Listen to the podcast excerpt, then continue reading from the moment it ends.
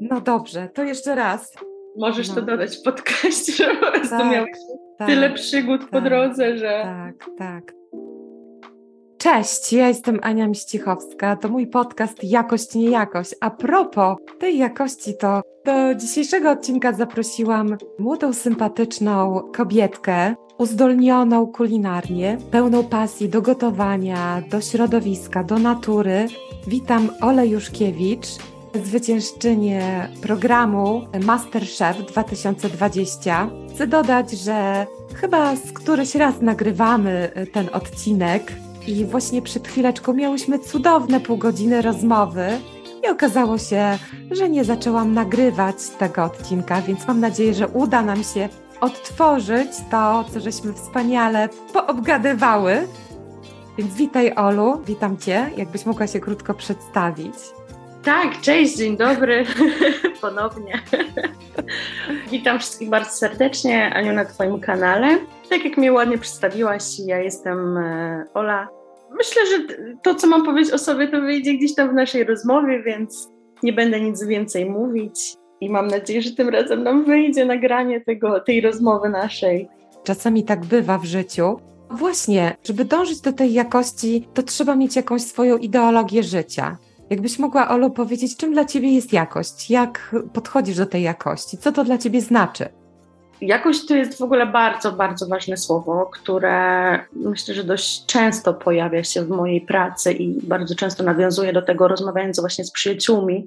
Szczególnie w dzisiejszych czasach, gdzie jest moda i trend na byle jakość, o czym też możemy potem porozmawiać, bo ja też bardzo pracuję gdzieś tam w mediach społecznościowych i tą byle jakość widzę na co dzień, która się bardzo sprzedaje, więc ja idę w drugą stronę. Dla mnie ta jakość to jest przede wszystkim wyrażenie siebie, to jest 100% mojej pracy, to jest moje zaangażowanie, które wkładam w, w swój rozwój który potem przekłada się właśnie na moich odbiorców, na ludzi, z którymi gotuję, na ludzi, którzy kosztują moje dania i myślę, że ci właśnie moi, nie chcę mówić tak brzydko klienci, ale ludzie, z którymi pracuję, mogą potwierdzić tą jakość, która jest w mojej pracy.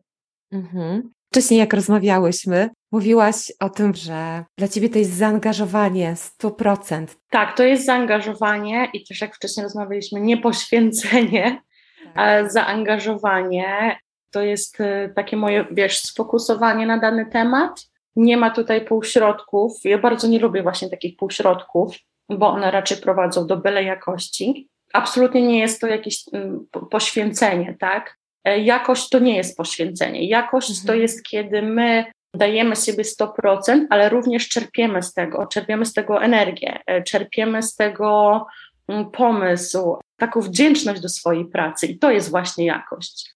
Że to są same gdzieś tam dla mnie pozytywne, takie bym powiedziała, epitety, pozytywne zachowania, które oprócz tego, że dają moim, tak jak mówiłam, odbiorcom dużo satysfakcji, to też mnie podnoszą na jakiś tam level i to jest właśnie dla mnie ta jakość. Mhm. Jakbyś mogła, Olu, powiedzieć o swoich pasjach, tak? Bo kulinaria to nie jest tylko to, czym ty się zajmujesz. Z wykształcenia jesteś biologiem. Jakbyś mogła powiedzieć, dlaczego ta miłość na przykład do natury połączyła cię z kuchnią, z kulinarniami i z tą pasją do gotowania?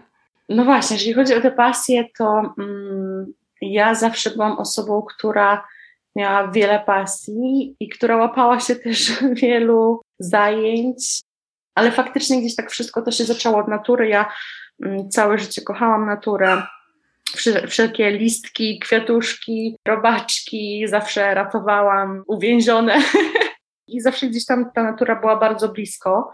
Ja też miałam o tyle szczęście, że wychowałam się tutaj u nas na Mazurach i o bliskość do natury y, nie jest trudno.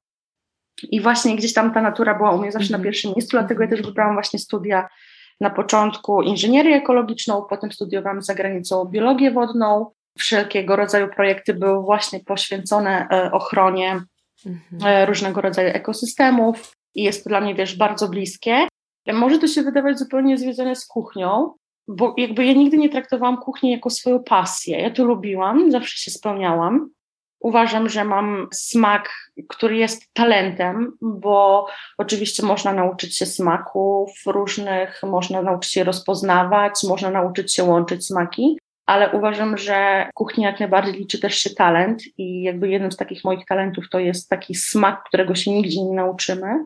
Gdzieś zawsze ta kuchnia była mi bliska, bo ja nawet na studiach gotowałam dla swoich bliskich e, przyjaciół. Pamiętam nawet mam taką historię, że parę miesięcy spędziłam na Wyspach Galapagos, bo robiliśmy tam taki projekt wodny z ludźmi z całego świata i robiliśmy razem wszyscy pierogi.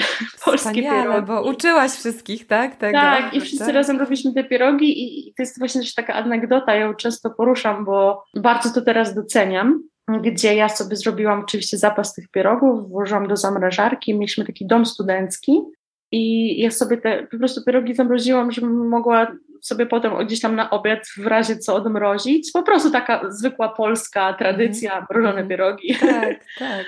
I te pierogi sukcesywnie znikały, ale ja ich nie jadłam. Ktoś po prostu je cały czas podjadał.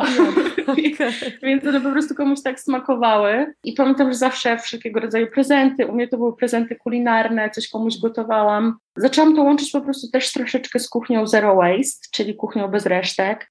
Mm. Kuchnią, która dba o środowisko.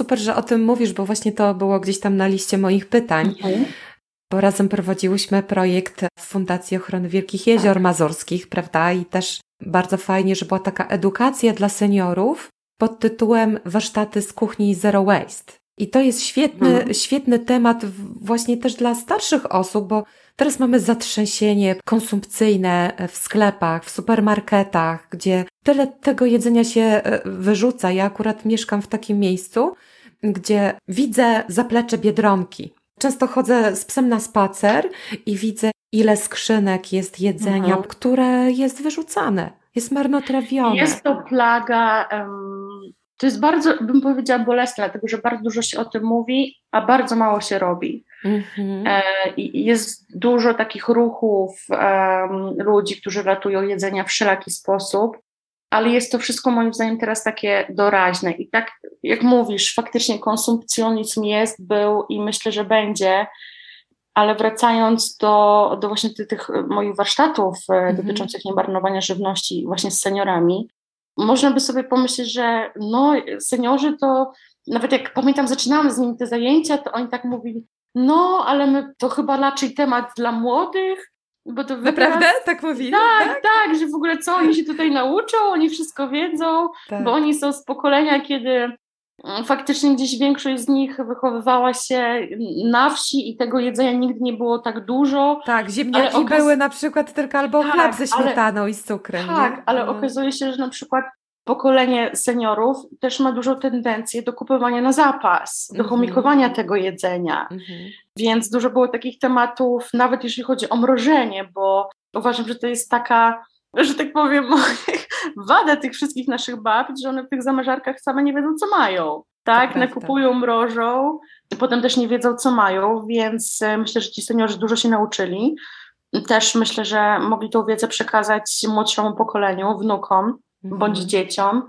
Ale faktycznie marnowanie żywności jest to problem.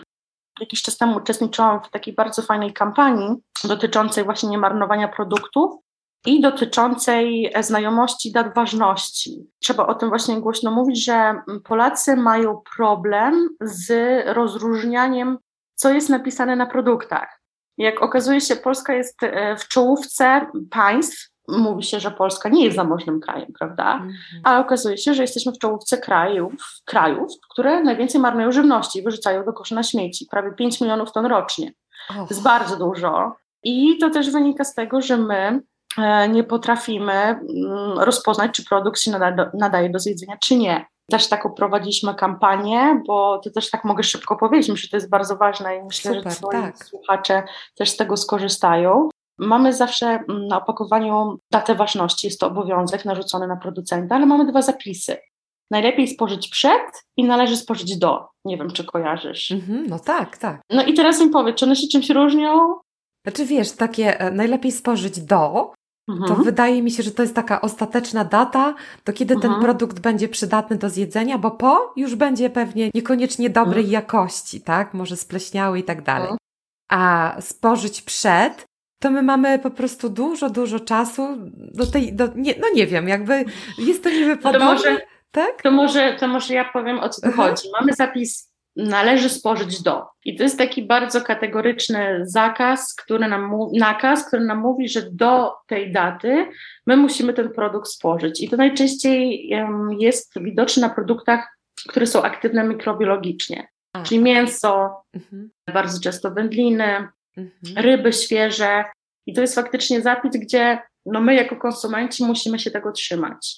Mhm. Ale jeżeli mamy zapis, najlepiej spożyć przed, czyli najlepiej, możemy, ale nie musimy, to bardzo często, jeszcze długo, długo po tej dacie ważności, naprawdę Jogurty na przykład, jogurty. Dotyczy tak? się to nabiału, dotyczy tak. się to kasz, makaronów, a my po prostu patrzymy na datę ważności, nie czytamy jej ze zrozumieniem i mamy na przykład kaszę, nie wiem, gryczaną, która jest ważna do jutra i my ją wyrzucamy. I to mhm. jest po prostu coś strasznego, bo to jest um, produkt, który może być jeszcze za rok dobry. Ona może mhm. troszeczkę szybciej się ugotować, tak? Ale absolutnie się nie zepsuje. Bo generalnie na producentów jest obowiązek narzucony pisania dat ważności, ale my nie jesteśmy jednoznacznie w stanie stwierdzić, kiedy ta kasza się faktycznie zepsuje, czy makaron. I tak jak mówisz, to dotyczy też nabiałów i to jest takie bardzo kontrowersyjne, bo nabiał, prawda, to też są żywe kultury bakterii, ale faktycznie po dacie ważności on jest jeszcze dobry. Może nam troszeczkę serwatka się po prostu y, odłożyć, może być trochę tak. zważony, na przykład tak. serek wiejski, mhm. tak? Ale on jest potem jeszcze długo, długo dobry. Na przykład dla mnie takim przykładem jest maślanka. Nawet sobie możecie kupić tak mały, na przykład, nie wiem, buteleczkę maślanki i ją trzymać jeszcze nawet dwa, trzy tygodnie, miesiąc po lecie ważności, ona jest potem dobra. No e, więc, więc to jest bardzo ważne, jeżeli chodzi o, o te niemarnowanie żywności, prawda? Mhm. Czyli ja bym powiedziała, że w kontekście takiego jakościowego podejścia do życia to też jakby zdroworozsądkowość. Każdy z nas myśląc o tym, co robi, jak je, to musi też podchodzić zdroworozsądkowo, prawda? Czyli no, oprócz tego zaangażowania, to jeszcze no, musimy zacząć Wiesz myśleć. Co? Tak? Ja pamiętam dokładnie, pamiętam u mnie w domu zawsze była pełna lodówka, a my byliśmy jakoś tak, brzydko mówiąc, rozpieszczeni, że wiesz, mama się zastanawiała, co nam kupić do jedzenia, a my i tak mówiliśmy, że nic nie ma do jedzenia, więc ona kupowała więcej, więcej i to się też psuło, marnowało. Mhm. Ja nie jestem hipokrytką, ja też e, nie mówię, że ja zawsze byłam idealna i, i mówię o tym głośno, żeby, żeby właśnie też pokazać, że, że to jest normalne, że my możemy mieć złe nawyki żywieniowe, zakupowe, ale możemy mhm. się ich nauczyć. To tak właśnie jak nawet na tych warsztatach z seniorami rozmawialiśmy, nie wiem czy tak mogę brzydko powiedzieć, że nam się czasami po prostu w pupach poprzewracało. I my, wiesz, idziemy na te zakupy, koszyki pełne po prostu mhm. jedzenia, może teraz już trochę mniej, bo gdzieś ta inflacja dała nam w kość, ale faktycznie lodówki często mamy pełne i sami nie, sami nie wiemy, co w nich jest. Ale wiesz co, ja no. też tak mam. Ja też tak mam. Wa ważne, żeby, za dużo rzeczy. Ważne, żeby przyznać to przed samym sobą, że faktycznie tych rzeczy jest za dużo. My z mężem kochamy w ogóle kuchnię resztkową i, i zawsze po prostu jest czyszczenie lodówki wszystko z resztek i czasami tak fajne dania wychodzą. Ja na niego krzyczę, jak coś zmarnuję, on na mnie krzyczy, jak ja coś zmarnuję. Raczej nie ma, staram się nie marnować i naprawdę świetnie nam to wychodzi. To wymaga wprawy, to wymaga rozsądku przy robieniu zakupów. To wymaga, wiesz co, Ania, przede wszystkim znajomości tego, co mamy w kuchni, a i właśnie tego zawsze uczyłam też seniorów, bo oni sami nie wiedzą, co mają w kuchni. Mm, mm, żeby. Tak, szafki pełne cukru na przykład tylko, nie? I wiesz, i tam na końcu w tych szafkach sami nie wiedzą, co mają, czy to mole jedzą, czy co. Tak. Ale my często nie wiemy, co mamy w kuchni. Więc warto sobie raz na jakiś czas zrobić taki przegląd szafek, powyjmować wszystko to, na przykład resztki kasz, makaronów, używać to. To jest naprawdę świetna sprawa. Więc tutaj też każdego zachęcam, że jak znajdzie teraz chwilę czasu po odsłuchaniu naszego podcastu, żeby poszedł i zobaczył, co ma w tych szafkach co ma w tych cargo, co ma w lodówce gdzieś za tymi słoikami. Czasami takie skarby można znaleźć, wiesz, jakiś, mhm. nie wiem, włoski sos przywieziony z wakacji, my nawet nie wiemy, co tam mamy. I, tak. i żeby po to pozużywać, pamiętaj też, że lodówka nienawidzi być pełna, bo to jest, wiesz, też silisko bakterii. Ona lubi mieć trochę przewiew, no więc tak. warto zobaczyć, co mamy w szafkach, co mamy w lodówce, podsuwać te słoiczki schomikowane, pobawić się trochę w studenta, i przede wszystkim właśnie rozsądek na zakupach. Jak e, uczę nie tylko seniorów, ale w ogóle jak uczę na warsztatach z kuchni bez resztek, no to są, jest takich parę zasad. Tak jak mówię, znajmy, co mamy w kuchni, co mamy w szafkach, co mamy w lodówce. Chodźmy na zakupy z listą, tak? Na przykład, nie wiem, robisz gołąbki i słuchaj, złożyj do tych gołąbków resztkę kaszy, resztkę ryżu. Po co kupować kolejną, wiesz, porcję ryżu? Mhm. No Podziękuję tak. Ci za to Twój portfel, Twój kręgosłup, tak? Potem na zakupach ważne jest to, żeby wiedzieć też, jak pakować nasze zakupy, bo jeżeli na przykład, moim zdaniem to jest trochę takie narzucone przez sklepy, bo praktycznie pierwsze, co masz w sklepie, jak wchodzisz, to jest stoisko z warzywami i owocami. I my na przykład na, sam, na same dno koszyka wrzucimy te pomidory i na te pomidory na samym końcu jest mąka, tak? Rzucimy tak. mąkę, one się zgniotą, wracamy do domu, na drugi dzień one już są spleśniałe. Więc my też patrzmy, w jaki sposób pakujemy to do koszyka, tak, żeby te warzywa i miękkie produkty były gdzieś w oddzielnej torbie, w oddzielnym koszyku, w jakiejś oddzielnej przegrodzie w koszyku, żeby one e, po prostu nam nie popękały, wtedy też, też szybciej się zepsują, tak. Jest parę takich właśnie trików zakupowych, y, które pozwolą nam, żeby ta żywność dłużej była świeża, żebyśmy się dłużej nią cieszyli. Potem pakowanie do oddzielnych toreb warzyw miękkich, owoców, produktów miękkich czy serów, oddzielnie jakieś tam, wiesz, y, ciężkie, twarde puszki i tak dalej. No, jest dużo takich trików. Zachęcam, zawsze każdy może do mnie napisać na social mediach, to jeszcze coś tam podpowiem. Nie chcę, żeby twój cały podcast polegał na kuchni zero waste'owej. To jest bardzo ważny temat. Oczywiście a powiedz mi, bo tak mówimy o sercu na talerzu, tak? Mhm. To jest takie stare powiedzenie i tak przez żołądek do serca. Powiedz mi, skąd w tobie to serce na talerzu się wzięło? Może to jest z domu wyciągnięte takie zamiłowanie, tak. bo ja tak. wiem, że twój tato też kocha gotować, tak? Ale tak, czy masz jakieś takie ukryte przepisy po babci, które tak. gdzieś też stosujesz? Wszystko się zgadza, co mówisz. I faktycznie te serce do gotowania i serce, które jest w moich daniach, przede wszystkim wzięło się z kuchni, którą miałam w domu. I ja miałam o tyle fajne dzieciństwo i fajne szczęście, że moje babcie i prababcie były bardzo gotujące. I od strony mamy, i od strony taty. I u nas spotykało się przy stole, żeby biesiadować. No ja jestem z rodziny typowej, że tak powiem, biesiadniczej, że zawsze ktokolwiek do nas przychodził, to gości goszczono suto zastawionym stołem. Patrząc na dzisiejsze czasy, nie do końca jest to dobre, bo Polacy też są bardzo otyłym narodem i walczymy z tą e, otyłością i te suto zostawione stoły nie zawsze e, to jest coś na plus, ale faktycznie mówiąc o tym sercu do gotowania, to to się właśnie wzięło z domu. U nas wszelkiego rodzaju imprezy, imieniny, urodziny, święta spędza się przy stole.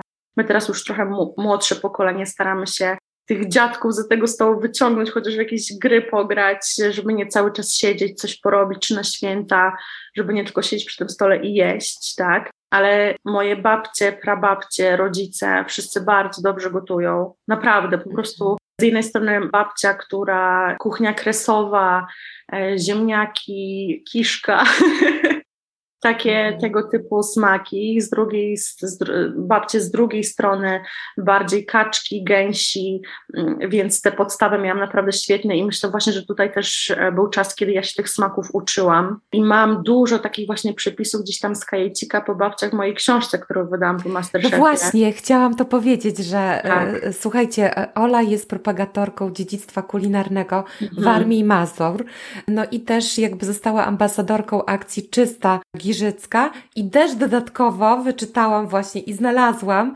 że jesteś autorką książki Po pierwsze tradycja, to jest to, o czym mówisz właśnie. Tak, tak? właśnie ta moja książka, powiem może tak, wygraną w, w Masterchefie jest też wydanie autorskiej książki kulinarnej. I ja mhm. chciałam, żeby to była książka inna niż wszystkie, które oczywiście wszystkie są wspaniałe, mają świetne przepisy, ale ja chciałam, żeby ta książka skupiła się właśnie na tych moich domowych przepisach, gdzieś tam odgrzebanych po ciociach, bo nie wszystkie mhm. babcie i prababcie żyją, ale gdzieś tam e, ciocie czy, czy, czy mama mają gdzieś te przepisy i chciałam właśnie, żeby to była też dla mnie taka encyklopedia, zrobiłam troszkę z premedytacją, żebym mogła e, potem też swoim dzieciom dać tą książkę, bo to jest taka kwintesencja moich domowych przepisów. Moich też trochę mojego męża, który też ma takie tradycje bardzo kulinarne.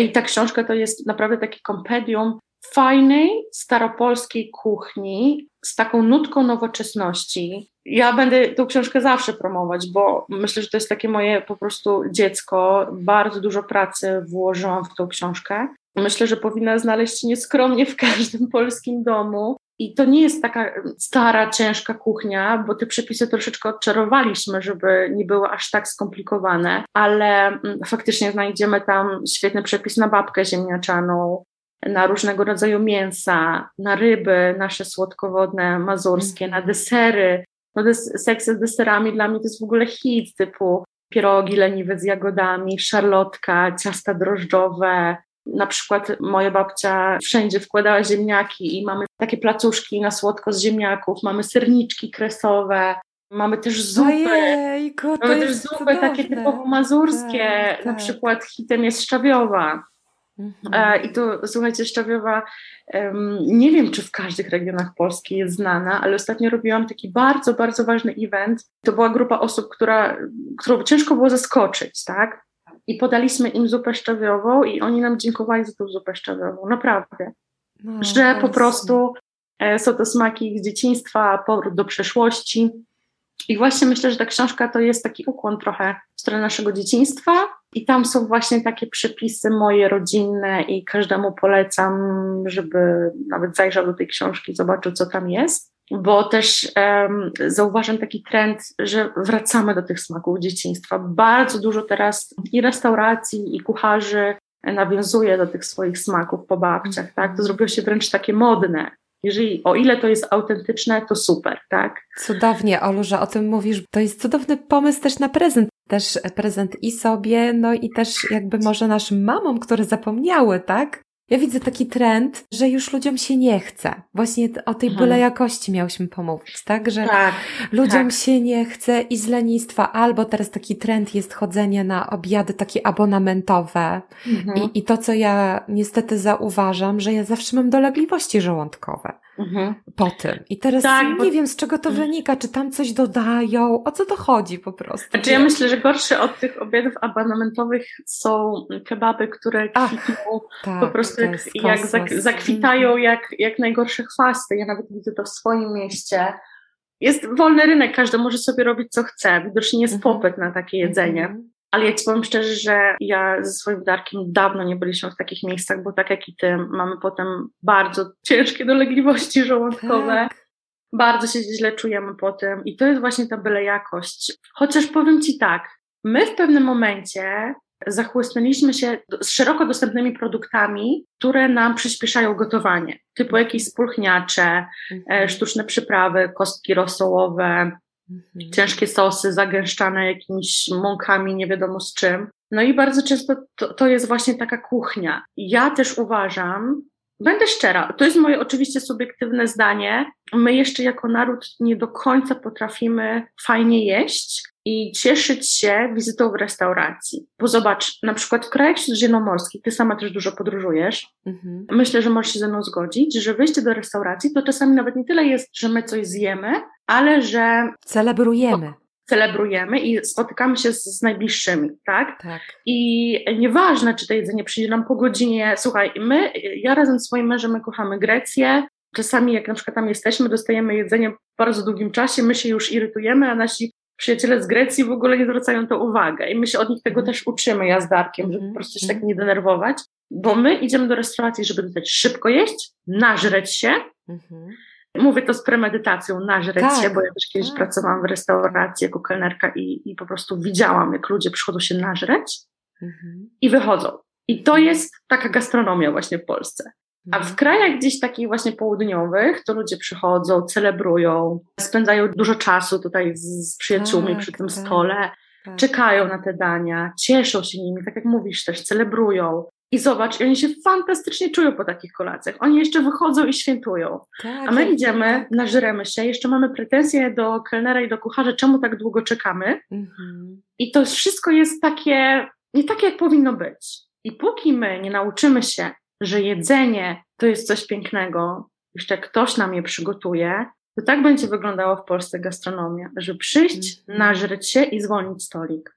Okej. Nie chcę też generalizować, bo są piękne miejsca właśnie w Polsce z wspaniałym jedzeniem, gdzie można przyjść, usiąść, e, nacieszyć się tym jedzeniem. Ja na przykład, ja nie chcę tu nic reklamować, ale... Ale czemu? Zareklamuj. Tak, tak, pewnie, ja pomóżmy tym, zakochana... co robią jakość. Ja nie, to znaczy, ja nie pobieram co, ja kasy nie... za to, wiesz. Ja jestem na przykład zakochana w Michelu, który był, e, jest jurorem w Masterchefie. Mhm. I on otworzył restaurację w Warszawie. Ja byłam u niego z przyjaciółmi półtora roku temu i jestem zakochana w tym, co on robi w tej restauracji. Mhm. I tam ludzie celebrują jedzenie. I on uczy nazywa? Ludzi. Jak się nazywa? Co? To jest restauracja, nie wiem czy ja dobrze to wypowiem, bo to jest po francusku Ma Maison. Okay. Chyba e, w Laskach pod mhm. Warszawą. Mhm. Cudowne miejsce. Zostaliśmy wspaniale obsłużeni i widziałam, że nie tylko my, bo ludzie, którzy byli tak samo, przyszli celebrować. To jest restauracja z taką domową atmosferą. Coś wspaniałego. I, i, i to jest takie moje wspomnienie, które będę pamiętać. Mieszkając tutaj na Mazurach, widząc sezonowość, też widzę, że mm, zawsze to idzie właśnie w takim kierunku, jak właśnie w restauracji tam u Michela. Mamy tutaj szybkich turystów, którzy szybko chcą przyjść, zjeść coś. Może dlatego właśnie są takie szybkie jadłodalnie, jadłodalnie szybkie mhm. kebaby, które są tanie. Ja z mężem, my mamy taką zasadę, czasami łamiemy, ale raczej staramy się nie, że my w sezonie na Mazurach nie chodzimy do restauracji, bo nie chcemy się rozczarować bo często znamy właścicieli i nie chcemy się rozczarować, bo czasami to nawet nie jest wina tych właścicieli czy kucharzy, tylko właśnie klientów. Oni przychodzą, chcą zostać szybko, restauracja jest duża, każdy chce być obsłużony, ludzie się denerwują, że coś za długo idzie. Wiesz o czym mówię, prawda? Tak, tak, tak. I to jest takie, dlatego my na przykład latem tutaj na Mazurach unikamy restauracji. Jak do nas przyjeżdżają znajomi, to my sami gotujemy, bo chcemy uniknąć takiego, wiesz co, rozczarowania. My chodzimy do restauracji jak po sezonie, jak są jeszcze otwarte.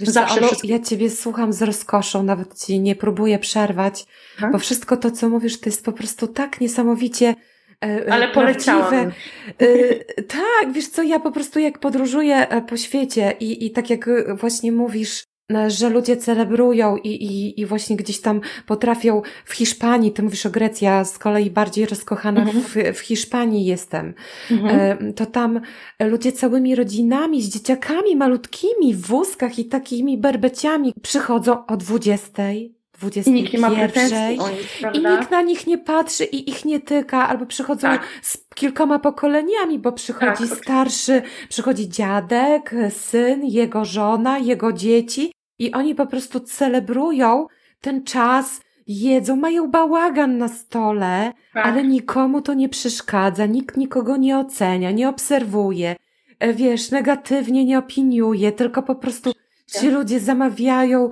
na ten stół jedzonko, celebrują, jedzą dłońmi i to nikomu nie przeszkadza. I właśnie to jest to, co mówisz, no może nasza kultura i to, że my jesteśmy Polacy, może trochę gdzieś tam mamy w tym genotypie zapisane, takie spięcie czterech, prawda? ale wiesz, tak spięcie czterech liter po prostu, że my ciągle z tym kijem ale... jesteśmy tacy, wiesz, sztywni, ale to nie tylko w kulinariach, nie? To, to, to jest, to, tak, tylko że tak. to my strasznie na tym tracimy. Tak, strasznie. E, jesteśmy prawda. strasznie znerwicowani, a mm. kuchnia nienawidzi nerwów, nasze tak. żołądki są poskręcane chronicznie cierpimy na zespół jelit drażliwych, tak? Mm -hmm. Na wszelkiego rodzaju choroby kulinarne, przepraszam, gastryczne. Mm. Właśnie przez stres to jest najgorszy przeciwnik dobrej kuchni. Bo my jemy w stresie, my jemy szybko, my jemy, żeby się nachapać, my jemy, mhm. zobacz, mm, tak jak mówisz, południowcy potrafią bardzo późno jeść kolację i, I to nie szkodzi. I to, to nie szkodzi. Tak. tak. Dokładnie. E, ale ja myślę, że tu stres bardzo dużo taką właśnie rolę odgrywa. Sami się nakręcamy. Ja sama jak mhm. pracowałam jak kelnerka widziałam taką straszną tendencję, że ludzie po prostu nie szanują jedzenia, nie szanują siebie, chcą zostać szybko, najeść się w złości, dzieci płaczą, rodzice się denerwują. Chciałabym e, właśnie, a propos jak teraz mówimy o tym, że kuchnia nienawidzi stresu, to jest coś pięknego, co powiedziałaś. Mm. Więc jakbyśmy teraz przeszły może e, płynnie do tematu gastronomii, jeździsz na zaproszenia różnych, mhm. różnych restauracji, tak? Organizujesz warsztaty, e, mhm. pracujesz, widzisz jak funkcjonują restauracje. Powiedz mi, jak wiele zależy od szefa? Od takiego może właściciela restauracji, bardziej mówię e, kierownika, dyrektora, jakkolwiek zwał, menadżera, tak? Prezesa. Prezesa, tak. Wiesz co, Moim zdaniem restauracja to jest taka forma pracy, gdzie wszystko musi grać jak w zegarku. I faktycznie jak gdzieś jakiś element nie gra, to to jest taki efekt domino, że wszystko się sypie. To bardzo łatwo zauważyć w chyba najpopularniejszym show kulinarnym Kuchenne Rewolucje i jakakolwiek Magda Gessler może się nie wydawać, to ona bardzo często ma rację, że restauracja to nie jest biznes, żeby się nagle i szybko wzbogacić.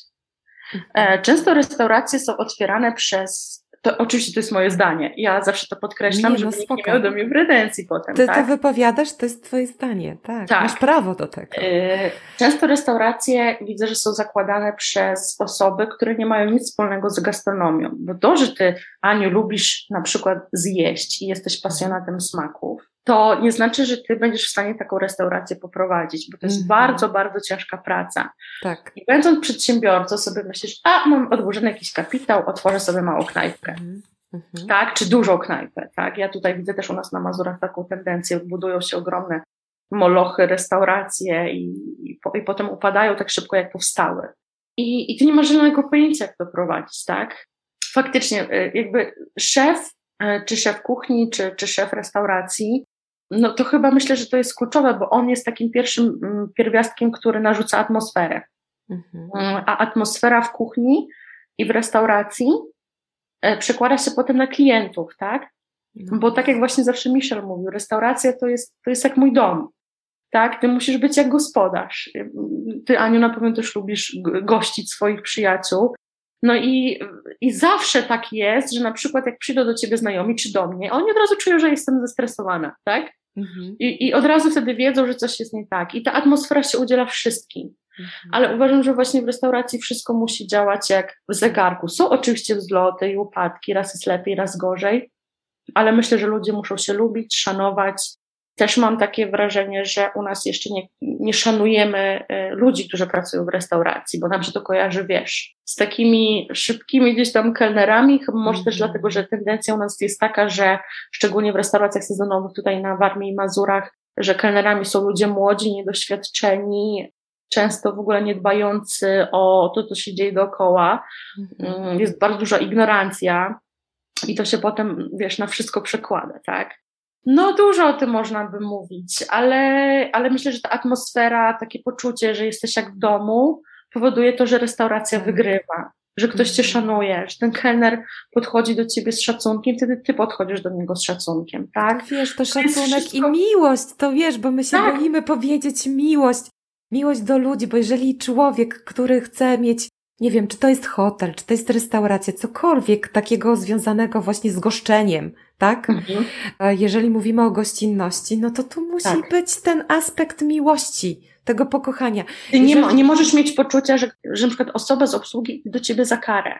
Tak. Tak, nie tak. możesz mieć takiego poczucia, mhm. ale wiesz co, myślę, że ze mną zgodzić, to jest wszystko z tobą powiązane. To, jak, jakie ty masz podejście tej osoby, mhm. Mm, to potem wraca. I przyciągamy jeżeli, takie osoby. Tak? przyciągamy, tak? tak, więc jeżeli ty przychodzisz, przepraszam, że tak mówię, że ty ogólnie, jeżeli Nie, my przychodzimy no tak, tak, tak, do, tak. do restauracji, Jejku, ja tak często widziałam takie rzeczy, to jest, ja nie wiem o co chodzi, przychodzi rodzina, nie wiem, zmęczona swoją obecnością, wszyscy naburmuszeni, mają pretensje do całego świata, potem mhm. ten, ten kelner się zaraża tymi pretensjami.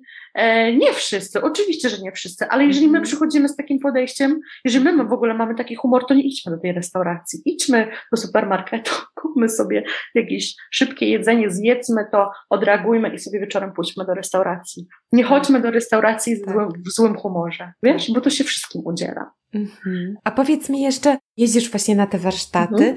co ludzie tobie, w związku z tym, że już uznałyśmy, że to, co ty robisz, to jest majstersztyk i że to jest jakość na najwyższym poziomie, to co Twoim zdaniem ludzie lubią w Tobie najbardziej i w Twojej kuchni?